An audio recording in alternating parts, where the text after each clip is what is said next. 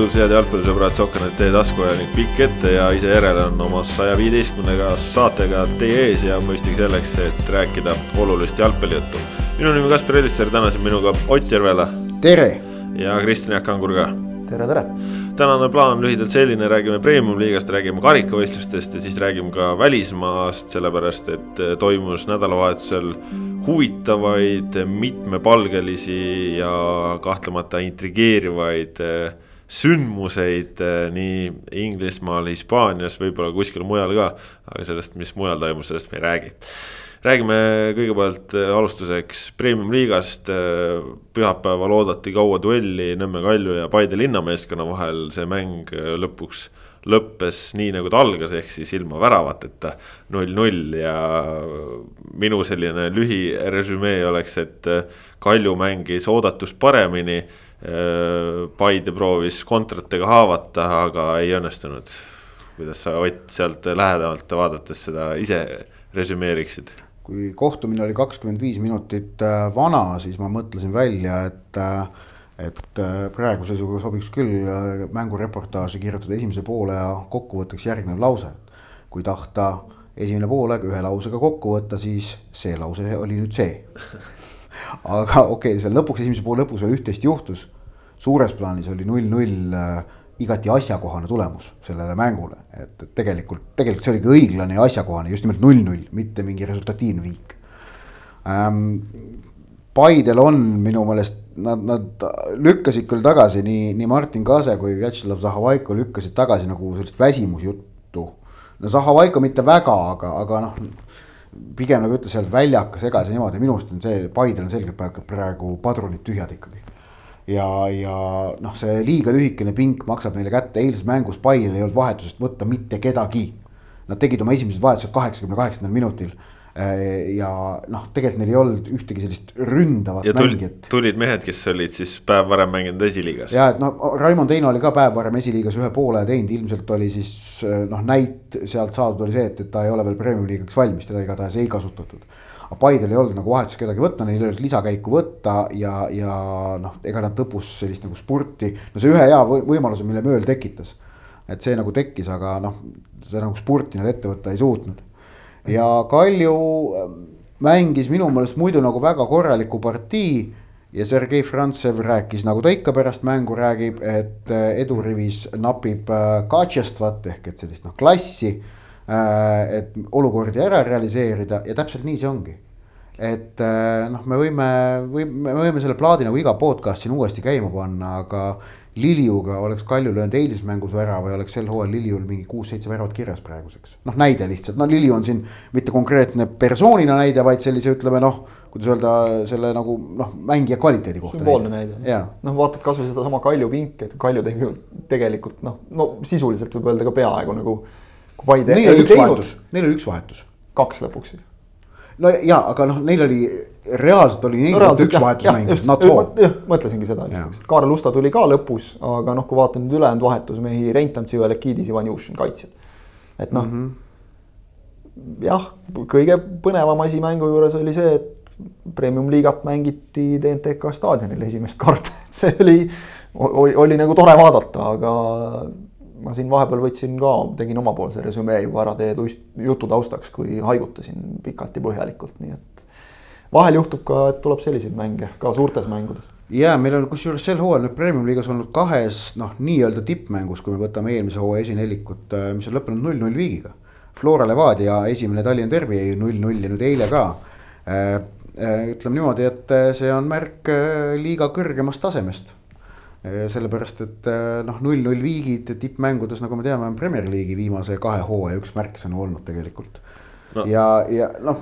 null-null viik on ju perfektne jalgpall, selles mõttes, et mõlema plaanid õnnestuvad peaaegu et äh, täiuslikult. just, just, ei no see, seda võib, võib nagu ilkuda või irvitada, aga aga see ei ole tingimata nüüd halb asi, kui me ka null-null viike näeme, et äh, tegelikult see, mida Toomas Häberli äh, siin ühes oma intervjuus ju märtsis pärast koondise akent või enne koondise, ma ei mäleta, kummast ütles, et noh, et kaitsemäng on see, mis nagu premium liigast teda, tal silma kriibib, et see pole piisavalt hea olnud. et eh, noh, null-null nagu näitab, et noh, midagi on nagu paremaks läinud, on ju. jah, või, noh, no, selles, no, selles mõttes küll. midagi on paremaks läinud, aga et noh, et äkki nii hull see alati asi ka ei ole. nojah, selles mõttes, et ikkagi, kui väljakul käib Henri Anier ja ikkagi. hoitakse nulli. hoitakse nulli, siis midagi on hästi tehtud, sellepärast et see ei ole kõige, kõige lihtsam ülesanne aastal kaks tuhat kakskümmend üks see ei jäänud nagu Anieri halva mängu taha. ei just, just, just, just. ja noh, oleme ausad, ega Kaljul ju nagu ega väga nagu suurt muud varianti ei olegi, kui kaitsest ehitada oma asju, et jah, okei okay,. võid ju pärast öelda ja, noh, see on nagu sihuke õige spordimehe suhtumine, et tahtsime kolme punkti, mitte ei tulnud nagu ühe järele siia. aga noh, reaalselt võttes nagu Ott ütles, et jah, kui seda kaitsest ei ole, eks ole, siis siis, siis on, on üks punkt ka asi, millega, millega rahul olla Kalju jaoks lihtsalt praegu on selle tõttu jama see, et, et äh, vahe on suur eelmistega tabelis.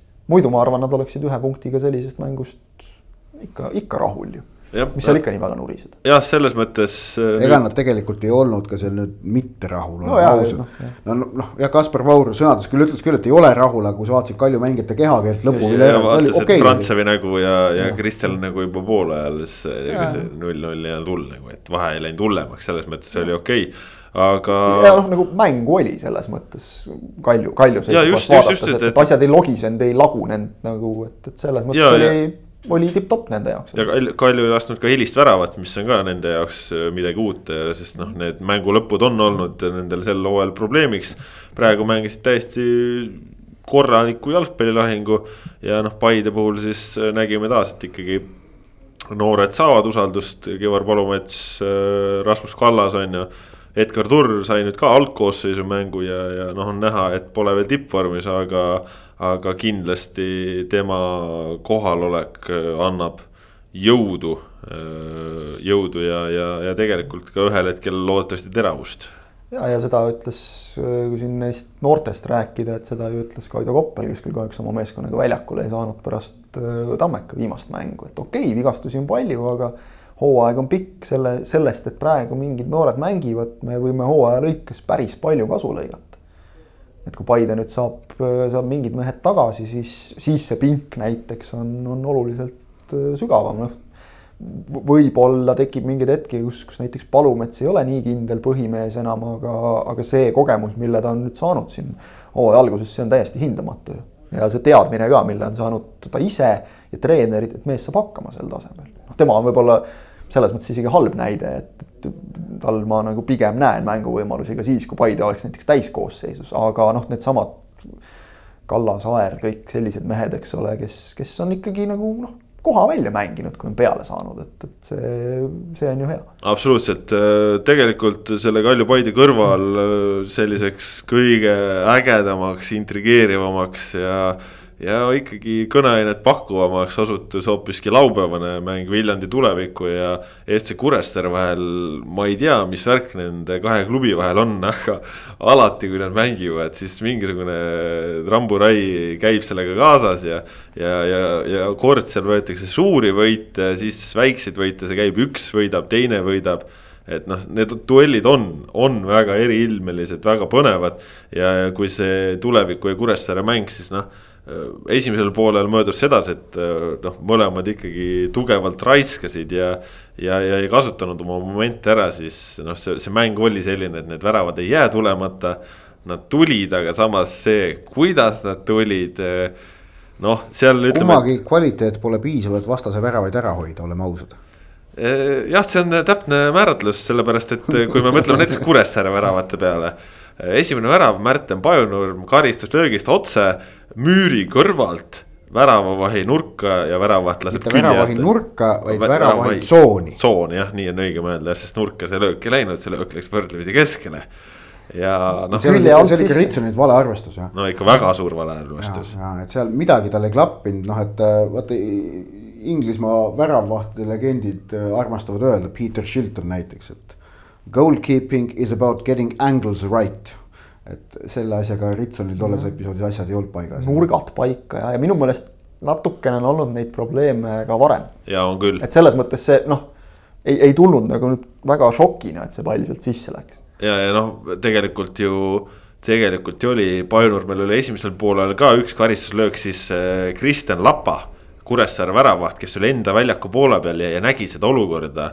karjus Pajo, Pajunurm vaatas ta poole Lapa näitas käega vasakule, ehk siis ta näitas, et mine, mine väravahi nurka. sest ju siis Lapa nägi, nägi teiselt ära, poolt väljakut, et väravat on vale koha peal ja tegelikult ju Pajunurm ise noh, see löök esimesel, noh, see ei kannata mitte mingisugust kriitikat, see oli ikkagi kohutav kohutav ja, ja õudus kuubis no,. Lapa pani, Lapa pani pinged peale, mees mõtles üle. ilmselt küll jah, aga, aga see, kuidas ta selle üks-null värava lõi, siis ta ju mängu järel ütles samamoodi, et ta nägi, et, et äh, väravaht on sellise koha peal, et ega ta müüri tagant tõenäoliselt seda lööki tulemas ei näe. ja, ja proovis ja noh, töötas ja noh, siis kui me jõuame nüüd Kuressaare teise väravani noh, see muidugi Kuressaare Kuressaare teine värav, see oli natukene nagu tulevikuvärav ikkagi, et no, eeltöö tehti suurepäraselt ikkagi, et kui noh, Rauno Tutkvist oli nagu ise ka üllatunud seal, et, et mina siin ja järsku palliga. no just, ma pärast mängu Rauno Tutkiga paar sõna vahetasin ja Tutk ütles, ongi, et noh, ta oli eelmisest rünnakust siin üles jäänud. ja siis päris täpselt nagu ei teagi veel, kus kohas sa oled ja nii ja naa, tõstad pilgu, vaatad, sul tekib silmside Mintongoga ta vaatab sulle silma, ta söödab sulle jala peale ja siis sa oled küll, et mis just nüüd toimus. mis ma nüüd teen, eks. kus ma nüüd olen ja kus, kus see värav on ja. ei no Tutk lahendas selle no, suurepäraselt, sööt oli ideaalne ja, ja, ja löödi, aga noh, tõesti siin. suutis mõttes..., suutis vältida ülemõtlemist, mis on sellistes olukordades just... päris sagedasti juhtub kusjuures. ja, ja Kelder selles... seejuures oli veel julge, ehk siis tegi veel väikse konksu ka ja. no siis... tal oli seal juba aega teha igasuguseid asju, aga, aga ilma nagu naljata, et noh, äkki peaks uurima, et kas noh, värvipimedus on nagu tõsine asi, et, et äh, sellised asjad on nagu täiesti seletamatud, et tõesti noh, jälle Jaanus Reitelist kahju ka, et noh, mida sa saad treenerina teha. sinna ei hakka nagu pikalt minema, seda on jahutud iga mängu järel, aga, aga minu jaoks nagu täiesti kummaline on vaadata äh, neid arutelusid, et kui meeskond mängib halvasti, siis lahendus on treeneri vahetus absoluutselt automaatselt iga kord, see ei käi üldse nagu premium-liiga kohta, see on mingi osa jalgpallivaatajad, vaatajate puhul nagu universaalne lahendus, mis on vist üle võetud maailma jalgpallist, noh, oleme ausad. ei, see ei ole üle võetud maailma jalgpallist, see on üle võetud FIFA videomängust no,. pigem sealt jah, eks ole ilmselt et noh, okei okay,, maailma jalgpall, ütleme ütleme siis niipidi, maailma jalgpall toetab seda, sest et seal tõesti ka teinekord rapsitakse nende treeneri vahetustega väga kiiresti. Eestis noh, see ei ole nagu reaalne, et sa lihtsalt umbes iga ringi järel, kui ring läks halvasti, laseme ka treeneri lahti, võtame uue. noh, seda ei tee isegi Narva Trans, eks ole, et kes, kes üldiselt on nagu pigem kiirem otsustaja sellistes olukordades, et see, see noh, jätke see jura nagu, et laske nüüd natukene inimestel tööd teha rahus ja, ja tõesti noh, tulevik nagu mänguliselt jälle nagu ei teinud nagu väga palju valesti aga no, no, no, selliste asjade puhul. sa ei ole kaitstud nende või noh, no, mida, mida sa saad teha, kui, kui Mintongo vaatab Rauno Tutkile silma ja söödab talle jala peale noh. ja, ja siis tõstab käe üles nagu oleks mingi suluseis ja. või nagu, mis asi see oli nagu. et nagu, mi, mi, mis sul, mis sul seal juhtus noh. juhe jooksis ikka täiesti kokku, kas kadus nagu noh, unustame nagu vahele ära. Mintongo on teinud häid esitusi nagu noh, ütleme nagu oma passis olevast vanusest küpsemaid, et, et kas me nagu unustame vahele ära, et ta on noor mängija alles, et noh. nüüd jooksis tõesti nagu juhe täiesti. kas, kas, kas ta otsis sealt seda Ritsonit tagasi sööduga või nagu? isegi kui Tutki oleks seal seisnud, minu meelest isegi siis oleks olnud suhteliselt jabur sööt. noh, või oli seal, seal oli kaitse kõrval, et oma mees, et noh. tõesti nagu korraks jooksis nagu pilt kokku. no ei kujuta ette. ei tea täitsa jah, täitsa müsteerium. ma arvan, et ta ei oska ise ka öelda, kui, kui talt küsida, et, et ta ei osanud ilmselt öelda pärast mängu ja ta ei oska öelda ka nüüd paar päeva hiljem, et miks ma nii tegin, ei tea, vahel juhtub. aga noh, lihtsalt ongi ühes mängus, kui juhtub üks selline no, asi. saatuslikuks lihtsalt jah. jah, siis eks ole üks noh, ütleme ka noh, see Babatunde punane kaart, noh, seal ka oleks saanud nagu paremini lahendada seda olukorda, et sa, sa riskid, sa riskid ikkagi minna, selgelt sellega, et, et sa, sa saad sealt, et kui sa hiljaks jääd, sa saad kaardi. jällegi noh, ka noh, pigem noor mängija, eks ole, Rits on noh väravavahi kohta ka noor mängija, väheste kogemustega mängija. ühte mängu kokku satuvad need asjad, siis nii ta lähebki. vot see tuleviku mängu puhul on see, et tõesti see kõikumine mängu sees. just erinevatel mängijatel individuaalselt, see on ikka tohutu. Et, et äh, noh, me kiidame, noh, Babatunde saab siin praegu puid meie käest ja Ritson on saanud ja. ja Mintongo ja. Mintongo, aga samas on ka nagu episoode, kus kõik need mängijad tegutsevad tõesti nagu väga hästi. no Ritson kindla... oli suurem osa mängust oli, oli väga hea. ja, ja kõrgetel pallidel ma ütleks üldse ta näiteks on noh, ütleme ta, noor, ta, nooremat sorti väravai kohta läbi terve hooaja olnud igati kindel. ma ütleks, et Ritson on üldse nagu mängude jooksul on ta nagu ülesjoones arenenud, vahepeal see mm -hmm. vigastus tuli peale ja tegelikult noh, korduvalt sekkus väga hästi ja no Mintongo samamoodi, ta on keskväljal, ma olen ise teda võrrelnud ju sihuke kanteeliku mänguga, et, et sihuke madal, tihe samm, tugev no,. natuke jääb puudu. ei no jääb päris palju jääb puudu praegu, aga noh, lihtsalt mingisugune paralleel on ju mängija tüübi iseloomu mõttes mitte, et ta oskused oleks sama tase. aga ongi sihuke noh, tal on väga selged tugevused, ta on väga palju päästnud ja, ja mänginud hästi ja ka mängu sees ta võib väga hästi mängida ja siis ta teeb siukseid asju.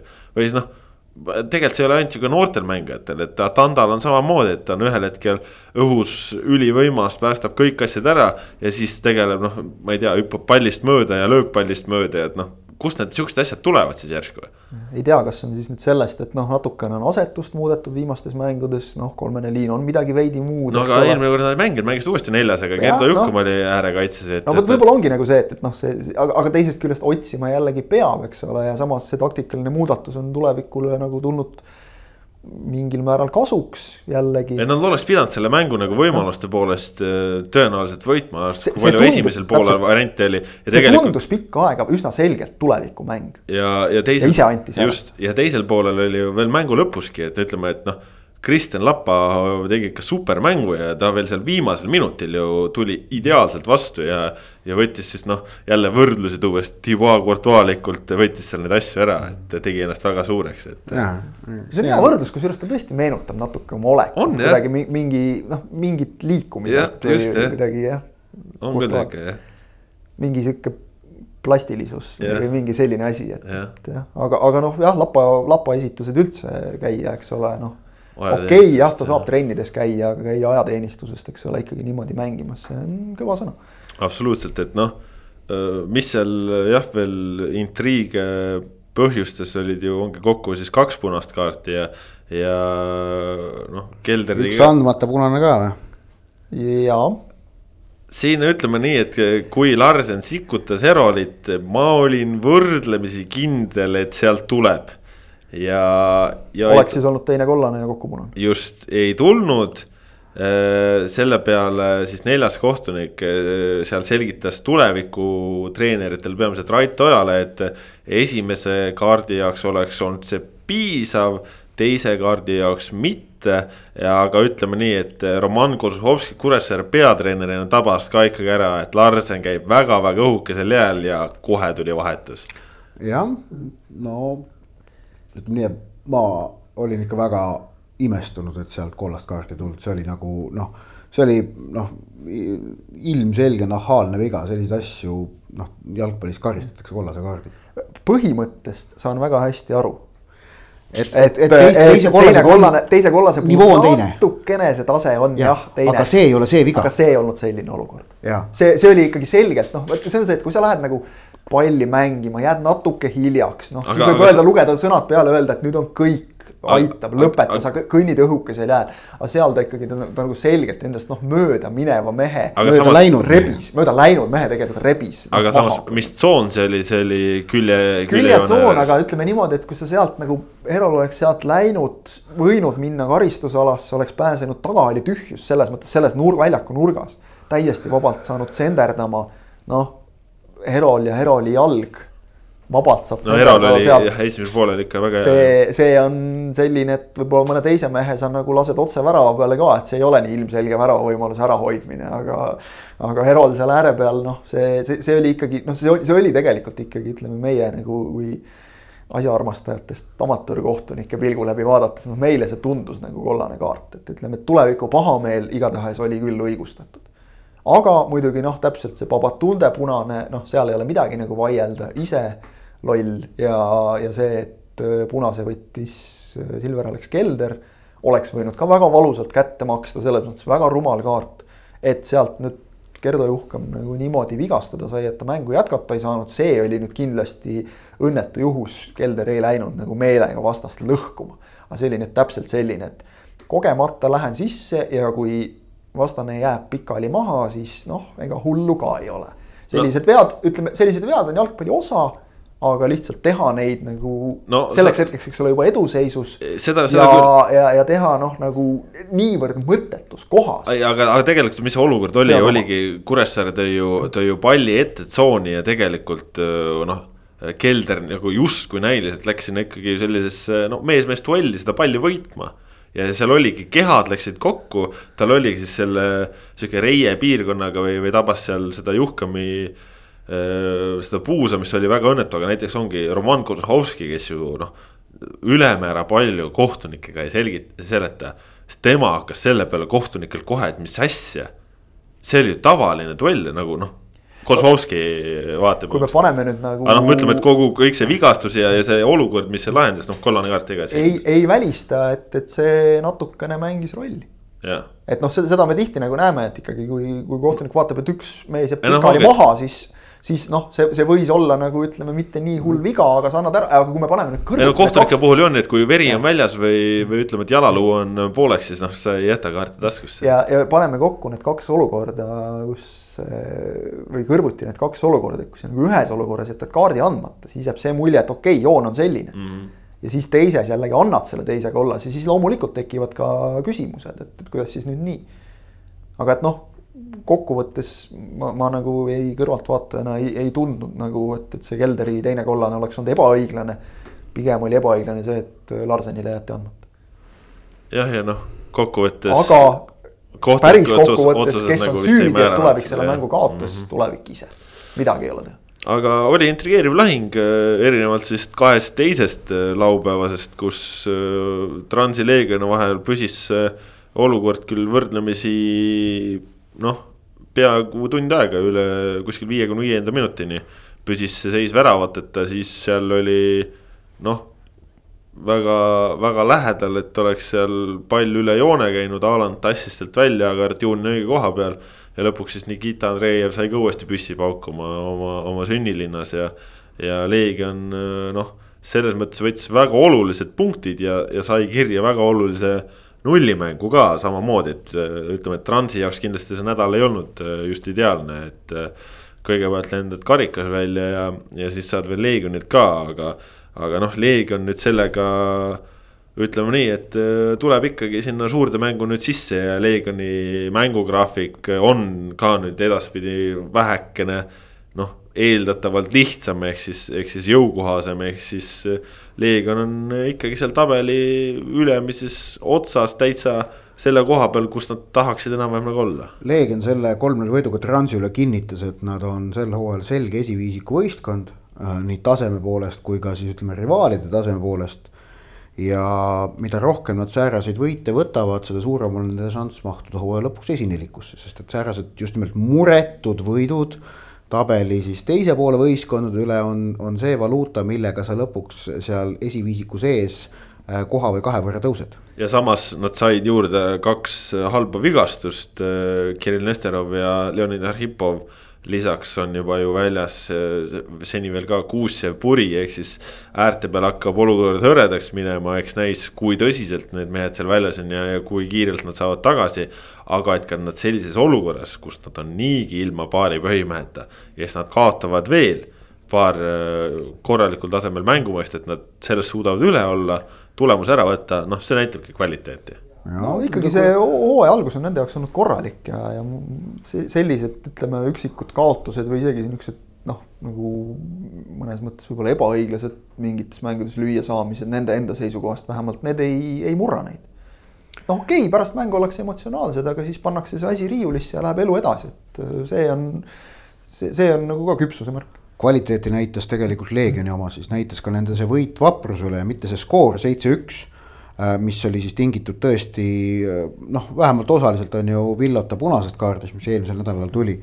aga, aga see näitas taset, et kuidas algkoosseisus mängis Aleksandr Nikolajev äh, oma vist premium-liiga debüüt, kui ma ei eksi, vasakkaitse koha peal. debüüt, debüüt selles mõttes mitte, et algkoosseisu debüüt, eelmisel hooajal. siis oli veel kaheksateist aastastest tema, Nikolajev on seitseteist, kaheksateist oli Šapovalov ja Arhipov algkoosseisus.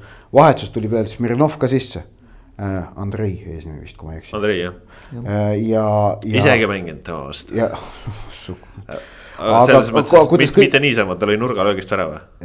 siis, siis on mees teinud suured sammud edasi. just, aga noh, ütleme need kõik mehed äh, sobitusid sinna Leegioni mängu igasuguste probleemideta äh,. võistkondlik sooritus sellest ei langenud mitte mingilgi moel, vaid see võistkondlik sooritus oli jätkuvalt harmooniline ja see näitab võistkonna kvaliteeti, see näitab ka nende, nii nende noorte kui ka nende kogenute kvaliteeti, kvaliteeti, et nad suutsid niimoodi sobituda tolles mängus. see skoor läks nii selliseks tõesti, et noh, seal teisel poolel lihtsalt noh, vaprus lagunes ja lõpus noh, iga rünnak oli värav seal mingil hetkel lihtsalt et, et ja noh, seal Leegionil oli isu ka lüüa, et seal tahtis Prosa oma väravat kätte saada, isegi Kirill Nesterov sai isegi värava kätte. ja Prosa sai ka kätte. ja sai kätte ka ja. lõpetas kahe aastase põue. sai kaks väravat kätte, mille üle seal noh, oldi mõnevõrra irooniliselt isegi seal Leegioni pingi peal, võin kõrval, kõrval olnud isikuna kinnitada. samas muidugi rõõmsad, aga niimoodi Nesterovi jaoks ütleme jah, et väravate löömine on olnud suur probleem on ju aga noh. kõik saavad sellest aru. aga okay, see nüüd ta sai vigastada, aga jällegi ta sai enesekindluse kätte, Andreev sai nüüd, eks ole, enesekindluse ja. kätte siin äh, selles vapruse mängus sai no, äh, Šapovalov lüüa oma kübara, eks ole. Kaks väravat vapruse mängus, et äh, noh, et hat-trick seitse-üks mängus, et mis see ikka ära ei ole et Šapovalovi esimene, teine värav, see löögitehnika ikka, see, kuidas see kiirelt, see löögijalgselt ära käib. Hendrik Vainu ei saanud aru ka, kuidas see löök tuli, noh. see löögiliigutus oli nii kiire, see on nii ebastandardne löögiliigutus et ma usun, et sellega ta hakkab veel sel hooajal lööma ja lööb äkki ka tugevalt. ja, ja veidralt sihuke, no ütleme mitte veidralt, aga ebatavaliselt ka välisküljega, et seal ja, no, palju lihtsam oleks ise küljega minna seda asja panema. ebastandardne jalgpallur on kaitse jaoks kõige vastikum asi tõenäoliselt. Just ja mida, mida veel siit äh, eelmisest nädalast Premium-liiga kontekstis välja tuua, ega Vaprus Levadia mängu puhul ei olegi midagi tuua, et Vaprus on omale nädala ajaga sisse lasknud üksteist väravat, Levadia lõi neist siis neli võime selle tuua, et Levadia võitis. Vaprus ei jõudnud mängu jooksul mitte ühegi pealelöögini ja Zakaria Beglaršvili sai siis sajanda registreeritud väravasöödu vähemalt, et ilmselt on neid andnud rohkem, sellepärast et see väravasöötude statistika Eesti jalgpallis ei ole just eriti pika ajalooga, aga, aga no, vähemalt aga... ametlikult on ta esimene mees, kellel on äh, sada söötu ja sada väravat mõlemad käes. nagu sada pluss sada teha. ka päris kõva sõna, eriti arvestades, et tegelikult Beglarishvili ei ole nagu vana mängija kaugeltki mitte. sihuke noh, tänapäeva mõõdupuu järgi nagu parimates mängiaastates. kuus aastat minna veel umbes. jah, umbes nii. No vaatad siin Sanja Dmitrijev ja, ja, ja muid selliseid mehi, et, et siin londakud mängivad veel nii, et esimene number on neli ja panevad rahulikult väravas, et, et pole probleemi. kümme aastat veel ühesõnaga vapruse nüüd äh, sellised äh, vahepealsed heatood on hetkel kuskile kadunud ja, ja eks see vaimselt ole nüüd nendele ka kindlasti väheke suurem äh, väljakutse, et, et siit see rong nagu kuskile vales suunas sõitma ei hakkaks. Levadial jälle töö tehtud, kõik hästi ja noh, siit ongi ilmselt äh, paslik minna ka tegelikult äh, õige pea siis poolfinaalide juurde, karikavõistluste poolfinaalide juurde, kus ka Levadia tegi oma töö ära, aga, aga võib-olla vähe, väikese vahepõikena siia juurde, et, et see, et Tammeka jälle koroonasse langes. No see on ikka no nii valus on see asi, see on, see on nii valus ja see lööb noh, see, seal ei ole ju midagi tahtlikku ja see olukord ongi, aga aga jälle, jälle need ka, ka Eestis kehtivad isolatsioonireeglid ja ongi, et sul on üks positiivne ja sa ei saa teda nii-öelda välja visata, vaid ongi kogu võistkond läheb jälle isolatsiooni ta-ta-ta-ta-ta-ta-ta-ta no.. ja ütleme, see olukord saab leevendust alles nüüd, kui kui tänasest on vaktsineerimine kõikidele avatud ja ka premium-liiga jalgpallurid äh, saavad, äh, saavad need süstid kätte, et noh no,. jah, see on noh, see on sama loogiline kõik kui see, et äh, värskes õhus jalgpalli vaatamine on ilmselt kõige ohtlikum asi, mida üldse teha saab. Nagu. ma, ma saan nagu mingil määral aru, et noh, emotsionaalselt laetud inimeste kokkulaskmine ühte kohta ilmselt tekitab nagu mingit tõrget kelleski, aga et noh, kui nagu nüüd juba varsti siseruumides võib kõike teha ja käia spaades ja igal pool, siis noh, e, natuke jääb arusaamatuks. ma saan aru, et jalgpalli vaatamine värskes õhus ei ole inimõigus number üks ja et, et noh, jama ei ole veel kuskile päris lõpuni kadunud, aga, aga noh, natukene ütleme kummalise maigu kõrvalt vaadates jätab kohe. no siin ma panen rõhu sellele, et äh, lootuse sellele, et kohalike omavalitsuste valimised on tänuväärsel kombel äh, tulemas eeloleval sügisel ja kui valitsus äh, e, valitsuserakonnad on Reform ja Keskerakond kui nende otsused ei tundu enam inimestele mõistlikud, siis nüüd küll need erakonnad aru saavad, et seda pahameelt hakatakse väljendama sügisestel valimistel. kuigi kohalikel omavalitsustel pole on ju mingit seost sellega, mis on, mida teeb valitsus aga Kaudne see, see, selles mõttes ongi nagu tore on see, et, et valitsuses on kaks Eesti kõige suuremat erakonda, sest need mõlemad on, nende mõlema jaoks on ka kohalikel omavalitsuste valimistel väga palju mängus. oleks praegu valitsuses näiteks Isamaa, siis nende jaoks poleks seal kohalike omavalitsuste valitsuste va- KOV valimistel suurt mitte midagi mängus, sest nad niikuinii kuskil mitte midagi teha ei suuda, on ju seal.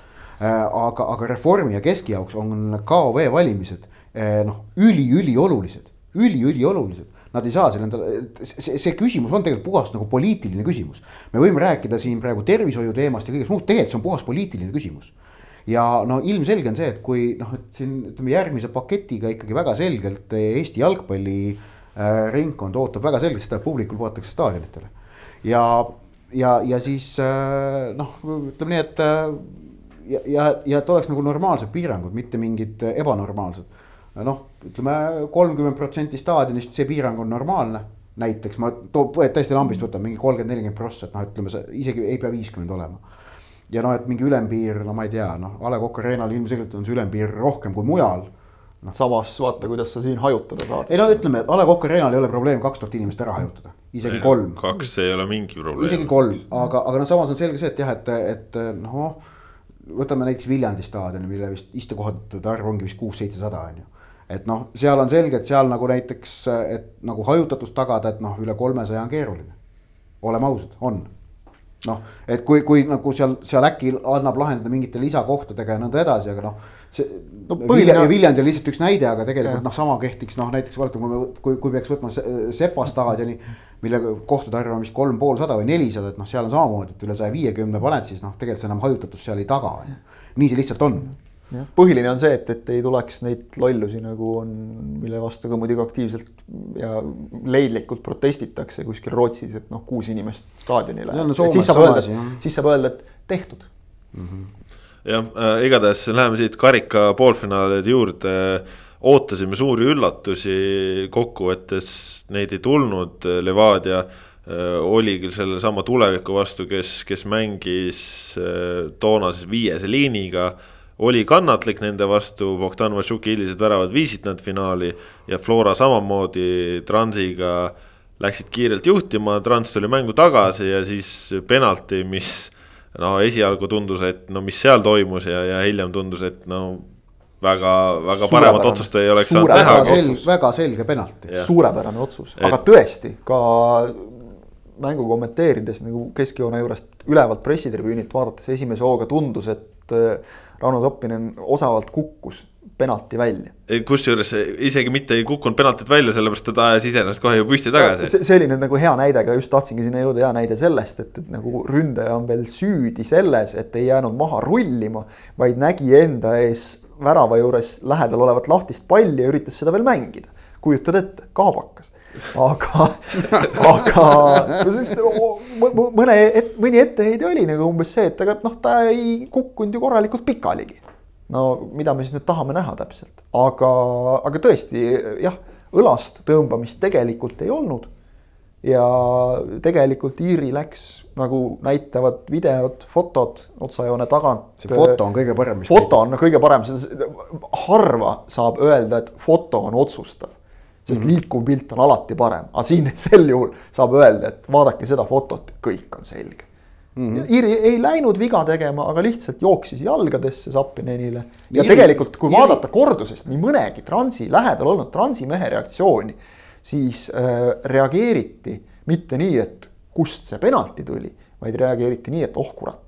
Ehk no, saadi väga hästi aru, et siin oli viga, see on penalti ja, ja nüüd on meil halvasti. no seal foto peal on näha, Irje jalg on kahe sapini jala vahel, noh, see on nagu. seal ei ole argumente rohkem. ja sa Ja- paned selle videoga kokku, et nad jooksid seal, siis noh, seal ei olegi midagi enam ei olegi midagi teha, et eh, noh, Trans äh, eksis sellega, millega eksivad paljud meeskonnad, et nad olid kenasti mängus sees ja siis nad hakkasid endale sobivat, sel hetkel ka sobivat viigiseisu natuke liiga vara, liiga sügavalt kaitsma. Flora otsis, otsis ja ei maksa unustada, et, et see penalti tuli sellest, et Zappinen lõikas kaitseliini taha, sinna tuli täpne sööt ja Iri pidi tormama veel midagi lappima. Mitte sellest, et kuskilt tühja koha pealt oleks tekkinud olukord, ei, Zappineni hea jooks, hea sööt Zappinenile ja kaitsja eksimus, oligi kõik jah, aga igatahes kokkuvõttes see kõik tähendab seda, et äh, me näeme karikavõistluste finaalis Tallinna derbit, äh, euro kohta enam mängus ei ole. Levadia saab igal juhul kolmanda klubina suvel eurosarja. ehk tähendab, siis. mis tähendab siis seda, et oleme ausad, et Eestit esindavad tänavu eurosarjas kolm selle jaoks kõige paremini valmis olevat klubi. ma seda ütlen igasuguse kahtluseta ja, ja mitte üldse samamoodi, kui oleks tulevik või Trans endale selle koha karika kaudu välja võidelnud, poleks kellelgi midagi kobiseda. aga asjade objektiivne seis on, et Flora, Levadia ja Paide on kolm kõige paremini eurosarjaks valmis olevat klubi hooajal kaks tuhat kakskümmend üks Eestis, selgelt. nii on, siin ei ole tõesti, see ei tohiks kellelegi mingisugust liiga ka teha, et see on, me vaatame kasvõi Premiumi tabelist, siis me näeme seda, et no. Äh, see on, see on tänane jõudude vahekord lihtsalt. seda isegi tabel ei peegelda nii hästi kui mängupilt lihtsalt. jah, aga, aga, aga see, et meil on nüüd äh, kahe Tallinna derbiga nädal, sellepärast et Flora ja Levadia kohtuvad kolmapäeval kell kaheksa. A Le Coq Arena'l premium-liiga raames, Flora, kes siis nüüd nädalavahetusel äh, Tammeku vastu ei mänginud ja siis nädala lõpus laupäeval uuesti omavahel.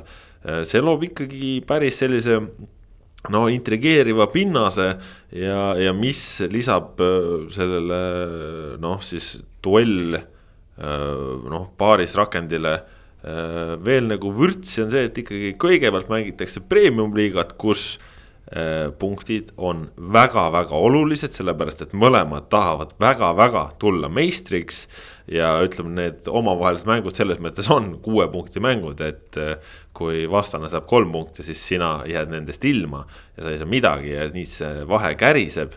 Äh, ja seejärel siis karikafinaal, kus on mängus prestiiž, äh, karikavõit, Levadia ei ole aastaid midagi võitnud, aga samas, kus noh, selles mõttes sellist kaalu ei ole kui tegelikult seal liiga mängul ja siin, mis on nüüd omakorda huvitav, on see et kuidas mängib FC Flora, sellepärast et nende viimases seni ametlikus kohtumises tegid nad siis noh, revolutsiooni kahekümne viie aasta jooksul suurusjärgus, ma ei tea, neljandat või viiendat korda mängisid seal... viiese kaitseliiniga. ma sain, ma sain seal siis, kui ma olin selle loo ära kirjutanud, on ju, et noh, et tähendab, et Norbert Hurti, Hurdal tuli endal täpselt meelde, ta mängis ühe korra. see oli see mäng Tammeka vastu, mille ta välja tõi aga siis, kui ma loo olin ära kirjutatud, siis sain teada jah, et Basi Raudjainen oli ka ikkagi mõned korrad äh, seda kasutanud. E, ja siis ise kommenteerinud seda niimoodi, et äh, äh, kuidas ta ütles, et äh, Basi nimetas seda old German style. Ja siis noh, kui me meenutame Basi Raudjainil inglise keelt, siis oli see old German style. Poolustus et, et oli, oli ka mõned korrad kasutatud, aga noh, tegelikult ikkagi jah, et noh, Flora on. kuna Flora tõi ju Eestisse ja noh, Teitur Turdersoni, kes õpetas eestlastele selgeks noh, selgelt tsoonikaitse, siis noh, see on nagu olnud Flora. liinikaitse. no liini jah, noh. liini, liinikaitse oli isegi ja. olulisem sealt. jah, et, et noh, siis see on olnud nagu Flora tegelikult ikkagi üpriski lahutamatu osa. ja selles mõttes oli see huvitav jah näha, et selline muudatus oli ja toimis üpris valutult minu meelest toimis jah, ta oli seal noh, ma tervet mängu ei näinud, aga, aga ta oli seal jah, nagu ka natukene tasakaalust väljas ja nii, aga, aga. nagu selline asetus on tihti. just, just, just, aga, aga see, see tõesti töötas. ja noh, see lisab ikkagi selles mõttes huvitavat uh,, huvitavat uh, vunki sinna, sest praegu Levadia vastu kõik, kes viimast, viimati on Levadia vastu mänginud, on mänginud ju kolme kaitsega, kolme keskkaitsega Vaprus nüüd vist isegi jäi oma plaanile truuks, kuigi ma seda mängu ei näinud. aga, aga enne seda ju samamoodi tulevik ja enne seda Paide ja kuigi Levadia kõik need mängud võitis. noh, räägime eelkõige Paide ja, ja siis tulevikumängust, siis noh, tegelikult me nägime, et see ikkagi aitas natukenegi Levadiat peatada, et noh, Levadia mäng on selles mõttes sellele kesktsoonile teatavalt määral päris jõuliselt üles ehitatud, et kui sul äärekaitsjad tulevad ka keskele, sul on Niigen keskel kolm keskpoolikut, kellest siis noh mõlemad ründavad keskpoolkaitsjad tihti tulevad sinna ründajale appi veel seda, seda liini survestama ja siis sul ongi äärte peal äärepoolikud ainsatena. noh, siis sul ongi kesktsoon on vaja saada, saada kinni, et nad sealt ei saaks läbi. ja noh, muidugi, kui sa siis keskendud ainult sellele, siis, siis ongi variant see, et sa tuled ääre pealt lihtsamini, aga samas sellega, et sul äärde pealt Levadia näol siis tulevad mõlemalt poolt üks mees Äh, see tähendab seda, et ei juhtu mitte midagi, kui sul ongi viiene liin ja, ja näiteks mängidki viis, kolm, kahte. sellepärast, et sul on seal mees olemas ja sul keskkaitsest on vajadusel ka julgestus. Nüüd ongi küsimus selles, et, et Trans noh, teist poolega mängis väga madalalt. ehk et me ei saanud nagu selles mõttes õiget pilti ja, ja, ja minu jaoks üks küsimärk on vasak äär. et vasakul äärel mängis Danil Kuraksin väga hästi mängis muide, väga hästi mängis esimese poole Äh, eriti just äh, arvestades seda, et, et noh, tal oli, siis oli, oli mäng natuke lahtisem, tal oli rünnakul rohkem ruumi ette võtta ja, ja temaga jäädi ikkagi üsna hätta seal äärel. Teisel poolajal noh, vot ongi see, et, et kaitsetööd tuli nagu vähe teha.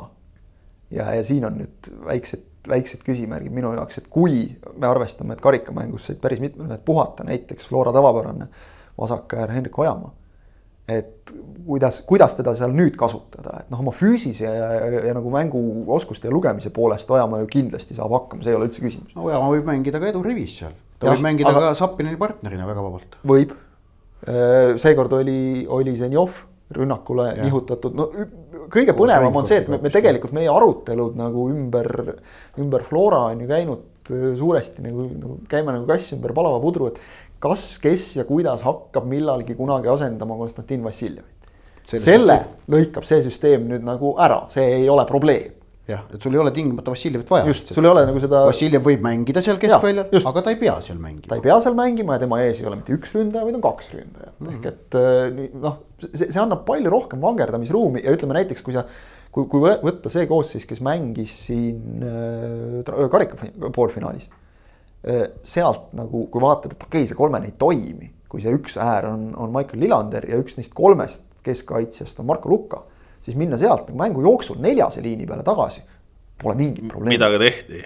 mida ka tehti jah, eks mida nagu vahetati ja vangerdati, et pole mingit probleemi, et selles mõttes see noh, on anna, annab tõesti nagu Florale käigu juurde ja, ja noh, see on nagu alati, et kui keegi läheb natuke eest ära, teised teevad kaks korda rohkem tööd, et neile järele jõuda ja et nende mängu kuidagi lahti harutada et tegelikult see noh, ongi nagu imekspandavalt kaua Floral toiminud, see, et me teeme oma asja.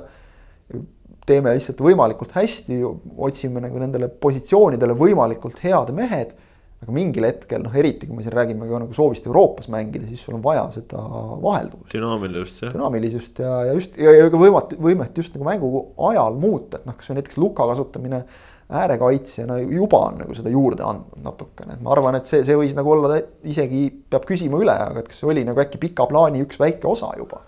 Jah, sest noh, sa no., sa jalgpallis ongi, noh, sa, sa võid teha oma asju nii hästi, kui sa tahad ja sa võid sellele oma rõhu asetada, aga isegi ju maailma tippjalgpallis, et meil, meil ei ole võistkondasid, kes raiuksid ka ainult ühte rada, et kui sa mm -hmm. proovid ühte, ühte, ühte asja teha, siis no lõpuks see loetakse läbi ja see pannakse kinni ja no,. Guardiola, Guardiola Barcelona asjad täpselt, hammustati ka lahti lõpuks. just, et isegi Barcelona mängib praegu kolme keskkaitsega ja nii edasi, et noh, siuksed mm, -hmm on vaja, on vaja mingisugust muutust sinna, on vaja, on vaja paindlikkust ja on vaja see, et sa saad reageerida, et kui ka mängus midagi juhtub. vastane on sul midagi teinud, võib-olla sul tulevad mingid äh, vigastused, asjad, et sa no, saaksid reageerida, et sa suudaksid leida ka teistsugust ja, viisi, kuidas edu saavutada. mängijate mõtte värske. just no,. et rutiini ei teki. ja, ja, ja, ja see on ka väga tähtis ja samamoodi me näeme ka nüüd mängijatüüpidest natukene sõltub, et noh, noh, Danil Kuraksin, vaata ütleme nii, et kas sa mängitaksid teda neljase liini vasakkaitsjana, no ei mängitaks. Äh, samas, kui sa mängid oma tavalist neli, kaks, kolm, ühte, kas ta sul seal ääreründaja kohal, kuidas öelda, ruumi jääks nagu väheks, mul on tunne. aga selles viieses liinis ta klappis väga hästi sinna positsioonile. okei okay,, noh, Transi poole pealt vaene Martin oli vist Käos, kes seal tema vastas oli, no talle ikka noh, ütleme ei sattunud hea päev olema, on ju aga no seal käis ka Sakar Ljuka abiks ja, ja kes kõik veel, aga noh, see pigem oli nagu see, et ma isegi ei laidaks kaitsjaid, vaid Kuraksin lihtsalt ja. tegi hästi. et talle see positsioon sobis mm. ja, ja teda osati sealt leida, teda jäeti seal üks-ühele, et noh, selles mõttes. ka hea tähelepanek, et osati leida mm., noor mees, vähe mm. mänginud näitas ennast küll üksikutes mängudes taliturniiril heast küljest, aga järelikult peab ta olema ennast näidanud ka väga heast küljest näiteks trennides, et kaaslased usaldavad. täpselt see, millest sa rääkisid enne, et noorus ja kogemus koos ja, ja, ja nagu Leegion paneb selle toimima, et see eeldab ka seda, et kogenumad mängijad nooremat usaldavad mm. -hmm. lubavad tal ka vajadusel eksida. aga see taktikaline mitmekesisus on siis tõepoolest üks asi on vajalik selle jaoks, et hoida nagu mängijaid värskena, teiseks on vajalik ta selle jaoks, et äh, vastaseid üllatada aga kolmandaks on vajalik ka siis, et kohaneda olemasolevate oludega, et noh, see on see, mida tegelikult on Paide linnameeskond teinud, et äh, Zahhovaiko pärast eilset mängu ütles mulle ka, et nad. Nad tahaksid tegelikult naasta võimalikult ruttu oma noh, kuidas ta ütles, juurte juurde ehk ikkagi oma selle tavapärase neljase liini ja. ja, ja ääreründajate juurde, aga kuna neil ääreründajaid hetkel lihtsalt ei ole, siis nad ei saa seda teha, nad on ennast kohandanud, leiutanud jooksu pealt selle endale selle viiese liini sinna, kus siis Frolov on üks äärekaitsja tõusvatest. Ojamaa teine mis on noh, kergelt balansist väljas on ju süsteem, aga nagu viie, viiene liin võimaldabki balansist väljas mängida. et, et äh, see taktikaline mitmekesisus võimaldab ka siis vastavalt oludele kohaneda, noh, Viljandi tulevik tegi Levadia vastu spetsiaalse plaani, et nad leidsid, et noh, et Levadia vastu karikamängus kõige parem variant on noh, tõesti tagant nagu betoneerida ja seeläbi proovida. jäeti välja põhikoosseisust äh, Komissarov äh, ehk et tegelikult oh, ohverdati selgelt keskväljalt äh, nagu jõudu, aga selle arvelt jäeti kaks ründajat ikkagi ette. et, et prooviti siis seeläbi Levadiat nõelata, jah, noh, lõpuks võib öelda, et plaan ei õnnestunud selles mõttes, et nad kaotasid. aga ma julgeks öelda, et mänguplaan tegelikult tulevikul tolles mängus Levadia vastu ju toimis. plaan ju töötas. ja, et noh, lõpuks siis. tugevam võistkond lihtsalt, ma ütleks ikkagi individuaalse pealt võttis ja. ära aga, aga plaan nagu toimis, et, et, et ja, ja mul on väga äh, hea meel, et me nagu näeme seda taktikalist mitmekesisust praegu siin nüüd Eesti jalgpallis sel kevadel oleme näinud. see paneb, äh, ma arvan, kõiki jalgpallisõpru natukene rohkem nende küsimuste peale mõtlema ja see muudab äh, jalgpalli vaatamise huvitavamaks mitte, et me tingimata sa... siin saame kõik nagu targemaks või, või siin mingi maailma jalgpalli ajalooga kõik need asjad seoses kokku paneme. noh, see noh see on nagu friikide lõbu ja, ja, ja, ja me jah. proovime siin oma, oma portaalis kahtlemata noh, sellele mõtlemisele nagu kaasa aidata mingite lugudega. iga aga... kord, ma vaatasin nüüd ka, kui sa sellest loo tegid, sellest Flora asetusest, iga kord, kui mingit sellist asja nagu täpsemalt kirjeldada, siis tegelikult ilmuvad nende lugude alla kommentaarid, tahaks veel. see on põnev, et tegelikult see, see huvitab inimesi, see, see on. see annab jalgpalli vaatamisel ühe lisakihi juurde see annab mängule mingi võlu juurde, et ma ei tea, mis täna toimuma hakkab, kui ma tean, et põhimõtteliselt vahepeal oli ju seis, kus Flora koosseis ja noh, kui mehed on terved, võis nagu tuimalt ette lugeda kinnisilmi, need mm. mängivad. jah, ja, ja, ja see ja, ja, ja see lisakiht siis ma arvan, mõjub kahtemoodi, et ta, ta nagu lõpu, lõpuks ta nagu äh, tugevdab Eesti jalgpallikultuuri äh,. ja, ja noh, viib meie koduvabariigi jalgpallist mõtlemise mõnevõrra uuele tasemele see on nagu ainult tervitatav ja teiseks ta ilmselt lõpuks imbub ka madalamatesse liigadesse, et tegelikult äh, noh, see, kuidas nagu suurem jalgpall mõjutab Eesti madalamaid liigasid, ma saan aru, et kahe tuhande neljateistkümnenda aasta mm finaalturniir. kus me mäletame, Costa Rica mängis viiese liiniga, jõudis veerandfinaali. Holland mängis viiendase liiniga, võitis pronksmedali ja veel ja siis pärast seda.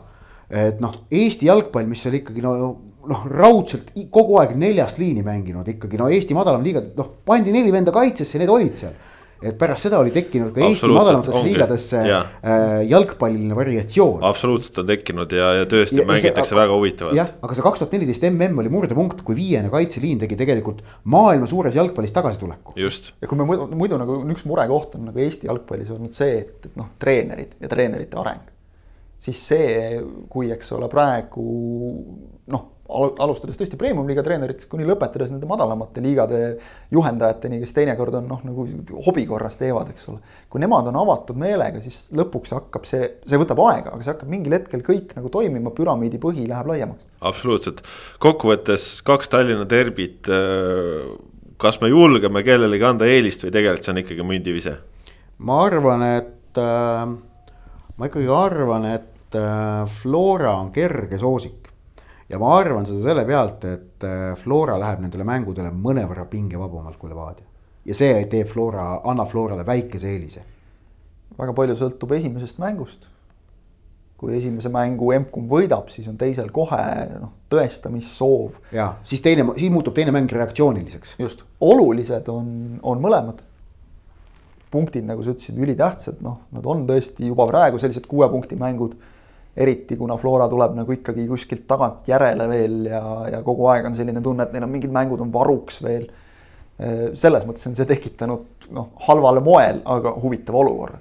ja, ja samas no karikafinaal on karikafinaal, et siin ikkagi noh, mõlemad on, mõlemad meeskonnad on üles ehitatud nagu sellele, et võit on, on ikkagi tähtis. Flora peab tõestama seda, et nad on endiselt parimad ja Levadia peab tõestama seda, et, et neil, et, et neil on potentsiaali Eestis tänavu meistriks tulla, mille jaoks on neil vaja Flora üle mängida, on ju. hooaja lõikes, kui nad karikas seda suudavad teha, see on psühholoogilise väärtusega, selle karika psühholoogiline väärtus on seekord väga suur, väga kõrge. et kui me eelmises, eelmises saates rääkisime just sellest, et kuidas Levadia suudab ennast häälestada noh, nagu psühholoogiliselt uuesti, siis väga hästi suutis suutsid jah. et selles mõttes nagu noh, tõmmati meile ka natukene nagu müts pähe, et kui me veidi kahtlesime, et, et kas suudavad. suutsid, no, aga... suutsid väga hästi, aga nüüd ongi küsimus, nüüd on uuesti vaja lühikese aja jooksul kaks korda, et eh, see, see võib olla väga, väga oluline nädal. võib-olla me ei saa sellest praegu aru, aga kui me vaatame hooaja lõpus tagasi, siis võivad siit hakata hargnema mingisugused jõujooned ühele või teisele poole, ei pruugi, aga võivad jah, kahtlemata oluline nädal ta Eesti jalgpallis on, sellepärast et karikafinaaliga samal päeval toimub ka Eesti Jalgpalliliidu üldkogu. kus valitakse Eesti Jalgpalliliidule uus president ja teatavasti hetkel siis kandidaate on hetkel üks, ehk siis noh, kas valitakse või mitte, on variandid. ja fifty-sixty jah, ühesõnaga selline murrang siis ka ja juhatus samamoodi jalgpalliliidule valitakse, et seal võib-olla siis toimub midagi, eks saame näha. igatahes kahtlemata Eesti jalgpalli vaatevinklist oluline nädal. aga läheme siin saate lõpetuses ka välismaale, sellepärast et äh, kui meid ootab karikafinaal ees, siis Inglismaal karikafinaal mängiti ära ja noh, nagu internetis on kokku võetud, siis äh, jalgpall võidutses raha üle. ja ei no, noh, see, see mäng äh, enne mängu seda väga tegelikult minu meelest seda võrdlust välja ei toodud, et see oli superliiga versus kõik muud. aga selle mängu käik ja see, mis toimus seal Wembley staadionil, see, mis oli äh, see, see, see atmosfäär, mis tekkis sinna seoses pealtvaatajate viibimisega. ja ütleme siis mängisid Leicester ja Chelsea. jah siis see tekitas minu meelest selle superliiga versus muud konteksti. ja noh, niikuinii on ju neutraalne jalgpallisõber reeglina outsideri poolt, kelleks Lester selles finaalis vaieldamatult oli ähm,. aga kõik see, kuidas see sündmus äh, lahti rullus äh, need emotsioonid, mis seal selle mängu käigus välja paistsid erinevatel hetkedel. Need kõik nagu jah, kuidas öelda, andsid lõpuks kokku sellise ideaalse muinasjutulise stsenaariumi Äh, mis oli ninanips superliigale. kahtlemata oli seda, selle, selle vastu mitte mingil moel ei saa. ja nüüd on lihtsalt see, et on huvitav vaadata, kas sel nädalal juhtub siis ninanips number kaks, et kas Leicester suudab meistrite liiga koha kindlustada. et kuna Alisson lõi eile selle peaga värava, siis, siis on see endiselt lahtine, poleks Alisson seda väravat löönud, oleks Liverpool ilmselt väljas on ju sellest võitlusest. põnevad mängud ja, ja Toomas Tuhhel järsku mõne silmis, vot see on nüüd see hea halb näide sellest, kui üles-alla asjad käivad, ei olegi nagu enam geenius. või noh, kui ta nüüd muidugi võidab, eks ole, nendega meistrite liiga ja võidavad Lesterit ja, ja saavad selle meistrite liiga koha juba sealt kätte. noh, siis on ju kõik super. ja aga nüüd on küsimus aga... ikkagi üleval, kas, kas, kas oli, kas Olivier Giroud kogu aeg pingile jätmine ja Werneri eelistamine. et kas see on olnud, see on ilmselt, see on ilmselgelt olnud pika plaaniga otsus eesmärk on olnud sellel otsusel see, et Werner noh, maksku, mis maksab sisse mängitada, et see investeering, mis temasse hooaja eel tehti, ennast pikkade aastate lõikes ära tasuks ja temast ei saaks uut äh, Hernan Crespot või Andrei Sevtšenkot või. ma kunagi mingis luubis ma loetlesin üles kõik need ründajad, keda, kes Chelsea's on suurte lootust, Adrian Mutud ja. kes on toodud ja ära. Torres, eks ole, kõige parem võib-olla, superründaja, kes Chelsea's oli enda hale vari täis. jah aga. kes, kes tahab näha, kui hale vari ta oli, siis vist, kui Sokernetis satute minema ja. valele leheküljele. ehk siis leheküljel, mida ei eksisteeri, siis teile eksponeeritakse seda Fernando Torrest. see oli üks kaunimaid hetki tema karjääris, tuleb öelda täiesti häbe, häbitult ja subjektiivselt Manchester Unitedi fännina. ja, see oli see tühjast väravast mööda, okei okay., aga, aga teine asi on see, et aga, aga, aga mida see Werneri pika plaani kasutamine tähendab lühikeses plaanis nüüd olukorras jah, kus Chelsea on ühe karikafinaali kaotanud, kus neid ootab tegelikult homme õhtul Leicesteri vastu järgmine karikafinaali noh, tähendusega mäng ees, sest see võib määrata selle, kas nad on meistrite liigas järgmisel hooajal või mitte.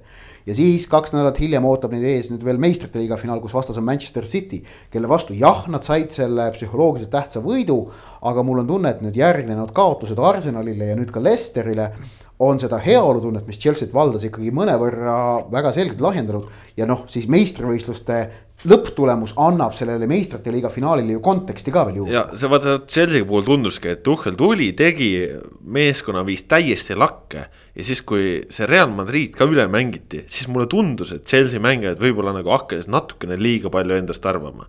et seni nad olid okei okay, ja siis, kui, kui sa selle ka ära teed, siis sa mõtled. aga ah, kuulge, me ikka paneme ikka päris ässalt võib-olla tekkis see tunne. ja, ja, ja nüüd on tehtud. neid nagu toodud äh, veits maa peale tagasi ja ma arvan, et see on väga vajalik, et need on toodud maa peale tagasi, sest see tagab meile kokkuvõttes, ma arvan, lõpuks huvitavama äh, finaali. ja, aga noh, siin ei ole nüüd öelda seda, et nagu Chelsea oleks kehvasti mänginud seda finaali, vaid siin tuleb ikkagi eelkõige kiita Lesterit, kes oli häälestatud ja paika pandud ideaali lähedaselt äh, see võistkond mängis tolles mängus oma võimed vaata et maksimumi lähedaselt välja ja tõesti, Brendan Rodgersi äh, noh, see oli tema meistritöö. selles mõttes, et nüüd ta tõestas, et ta on meister. et ta on õpipoiss ja sell on ta olnud, aga nüüd ta tõestas, et ta on meister, sellepärast et sellisest finaalist äh, võiduga välja tuua, vaat see näitabki treeneri kvaliteeti. seal on juhuseid, aga, aga noh, õnne peab ka olema ja Kaspar Schmeichel tegi fantastilise töö väravas ja Tiilemansi värav ka super. aga õnne oli ka vaja, aga treeneri töö on selle kõige alus ja Tiilematsi värava puhul, et oleks selge, tekitas ikkagi inimestes mingil põhjusel küsimust, et aga oli ju käega mäng.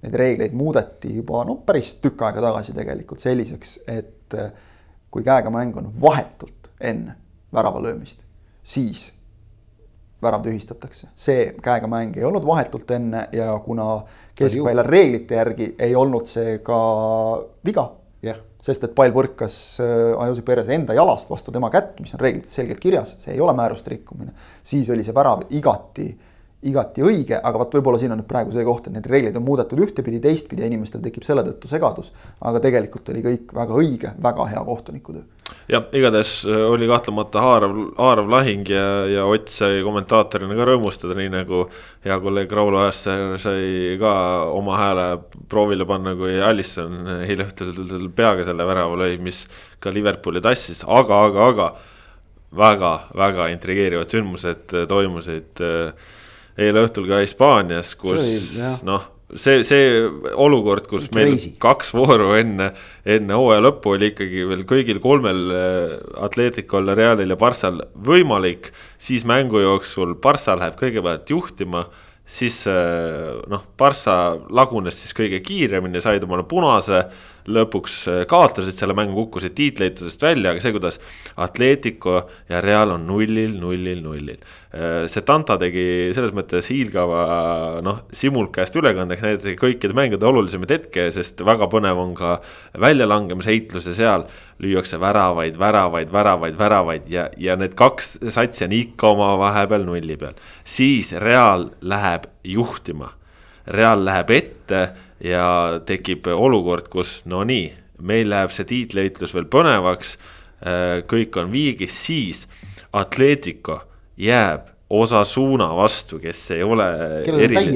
kes ei ole eriline jalgpallivõistkond nagu antud hooaja kontekstis äh, jääb nende vastu taha kaotusseisu, mis tähendab seda, et nad annavad juba kandikul tiitli Real Madridile, võtke, see ei ole enam meie otsustada, vaid nüüd otsustage jällegi ise, otsustage ise. ja siis nad tulevad tagasi mängu, Renan Lodi lööb mingi täiesti ebareaalse värava kuskile ilge litriga kuskile lati alla. see oli supervärav, see üks-üks värav, see oli ikka supervärav tegelikult, see oli individuaalne meisterlikkus. just äh,. topelt no,. mehelt, mehelt.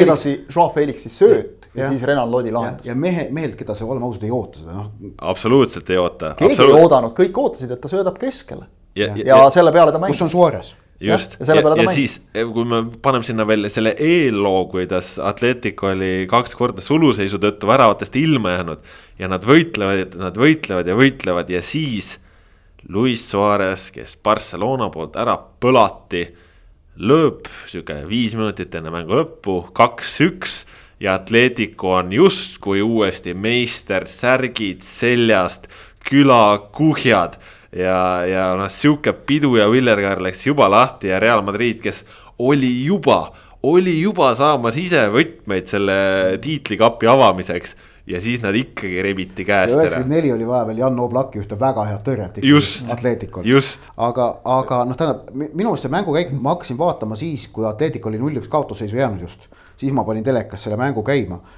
üks-üks värav oli ebaloogiline tol hetkel tundus, et Atleticul on nagu noh, äh, mast maas ja no,. Nad olidki osa suuna ju, ei lastnud neid enda poolelt välja. Atletic oli nagu mängust väljas, aga samas kaks-üks värav oli loogiline. Sest üks-ühe pealt äh, Osasuna murdus ja Atletico oli sellise veenvusega mängis, et me lööme nüüd selle kaks-ühe ka, et andke, andke nüüd võimalus. tekitati, löödi, kõik tehtud. just ja. minu, minu jaoks selle õhtu kõige nagu sümboolsem hetk, see ilmselt noh, mängukellal mitte päris, aga reaalselt vist mahtus sinna enam-vähem nagu mõne minuti sisse, et ühes mängus lööb äh, Luis Suarez oma hooaja kahekümnenda värava. ja noh, Atletico tiitlile väga lähedale võidule. Ja siis teises mängus äh, võistkonnas, kes põlgas, nagu sa ütlesid, Luis Suarez ära, sest olevat liiga vana ja liiga kehv ja mida iganes kõike veel äh, suurepärane esiründaja Martin Braithwaite suudab põhimõtteliselt viie meetri pealt noh, tühja, mitte päris tühjast väravast, aga noh, ikkagi sealt oli no raskem oli, raskem oli mööda lüüa kui sisse lüüa. Ja siis muidugi tuleb Celta äh, Viga vastu ja, ja lööb mingisuguse poole õnnega imevärava ja noh, siis on nagu kõik lootused läinud.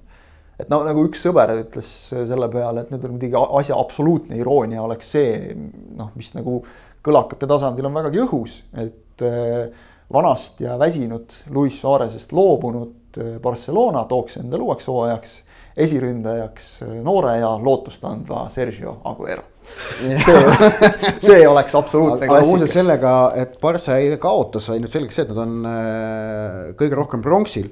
viimati jäid nad kahe parema seast välja kahe, kaks tuhat kaheksa ja nad võivad jääda ilma ka veel pronksist, et Sevilla saab, võib neist teoorias viimase vooruga mööda minna viimati esikolmikus ei olnud Barcelona kaks tuhat kolm kevadel, kui nad lõpetasid meistrivõistluse no, kuuenda kohaga, mis tundub. ja Sevilla siis, kes ei pannud ka tähele, sai rämeda ketuka Via Realilt. no Via Real on praegu vist tundub, et üks Hispaania paremas hoos olevaid võistkondi no,. ja, ja see on selles mõttes on see oluline, et Real mängib, Real Madrid mängib ju viimases voorus. Via Realiga. Via Realiga, kes valmistub. Euroopa liiga finaaliks Euroopa liiga finaaliks ja, ja on praegu noh, nagu viimaste tulemuste ja kõige selle pealt, see oli siis nüüd Unai Emeri derbi nii-öelda yeah.. kus Emeri endine klubi sai hirmsa paki Emeri praeguselt klubilt. just. et, et äh, Atleticol selles mõttes on õudselt põnev, et vahe on kaks punkti, aga siin tuleb tänada seda, et Hispaanias loevad omavahelised mängud ja need on Realil Atletico vastu plussis, mis tähendab seda, et Atleticole viigist ei piisa Ja. ehk kui nad lõpetavad nemad viigiga, Real võiduga, siis öö, on Real meister. ma protesteerin ägedalt, see pole mitte kunagi hea, kui loevad omavahelised mängud, alati peab lugema üldine väravate vahe. E, antud juhul lisab see põnevust. liiga, kontekstis on ta mõnes mõttes äh,. liiga kontekstis on iga mäng on kolm punkti, iga mäng pingutad ja siis väravate vahe loeb see selleks, sellest. kusjuures praegu, praegu ei ole vahet, sest praegu on väravate vahe ka nii väike, et, seal oleks põnevus oleks aga, aga kokkuvõttes ka see, et Atletico, kes selle Real Sociedadi alistamisega äh, voor tagasi. tundus juba, et on kõik ära teinud ja nüüd nad lasid osa suunale ennast hammustada ja noh, Real Valladolid on väljalangemistsoonis hetkel, kellega nad viimases voorus kohtuvad. aga kui Atletico kuskil oskab komistada, siis on see täpselt sellises kohas ja kuna Valladolid tahab püsima jääda, see on siis see legendaarsele Brasiilia Ronaldole kuuluv klubi. noh läheb ikkagi põnevaks, kuigi noh, Atletico on. äkki juhtub nii, et Atletico komistab, aga Real komistab ka. ja seda noh, kui nii juhtuks, siis see juhtuks absoluutselt ka, et Real komistaks niikuinii võidu ka sinna juurde. aga igatahes intrigeeriv hooaja lõpp on seal tagatud, järgmisel pühapäeval on siis oodata sama põnevat õhtupoolikut kui, kui sel pühapäeval, kõik on veel lahti, aga, aga, aga selle asemel, et Atletico juba vahepeal mängis tiitli sisuliselt maha nad ikkagi võtsid selle enda kätte ja me oleme väga lähedal sellele, et Atletico tuleks taas Hispaania meistriks. ja neid sõnu on selles mõttes äh, huvitav öelda siis äh, A Le Coq Arena'l loožist, milles vaatas äh, UEFA superkarikat Diego Simeone ja muuhulgas jättis lõi, oma märgi. jättis oma märgi siia, kui lõi kingaga ukse sisse augu, mis on siin tänase päevani vot äh, nende juttudega tõmbamegi tänaseks äh, sellele äh, pikk ette ja ise järele saatele joone alla. palju õnne Kaljarile ka, kes seeria A koha kindlustas. palju õnne, Ragnar Klavani leping on küll lõppemas, aga eks näeme, mida see püsimajäämine tähendab, mida see tuua võib, mida, mida üldse Ragnar Klavani tulevik toob ma arvan, seal klubis oligi kõik väga-väga lahtine kuni täpselt selle hetkeni, kuni see kõik selgeks sai. Jah, sest tegelikult nad on ju sinna seda raudvara nii-öelda kogunud, et, et ja. mängida hästi. materjali on ja ongi mängitud hästi, seitse mängu järjest, viigid võidud ainult, et hea sats. jah, mine tea, praegu tuttav treener, võib-olla siis vaja ikkagi Georgi Dunjov ka sinna viia ja, ja Eesti jalgpall hakkab tõusma uuesti.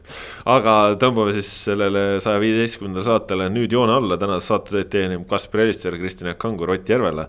aitäh, et kuulasite, püsige terved, minge vaktsineerima ja hoidke muul ajal ka veel distantsi ja muid asju, äkki saame sellest viirusest jagu ja ühel hetkel siis ka äh, tribüünidele publiku, et nautida jalgpalli nii nagu ta on mõeldud. Adjõ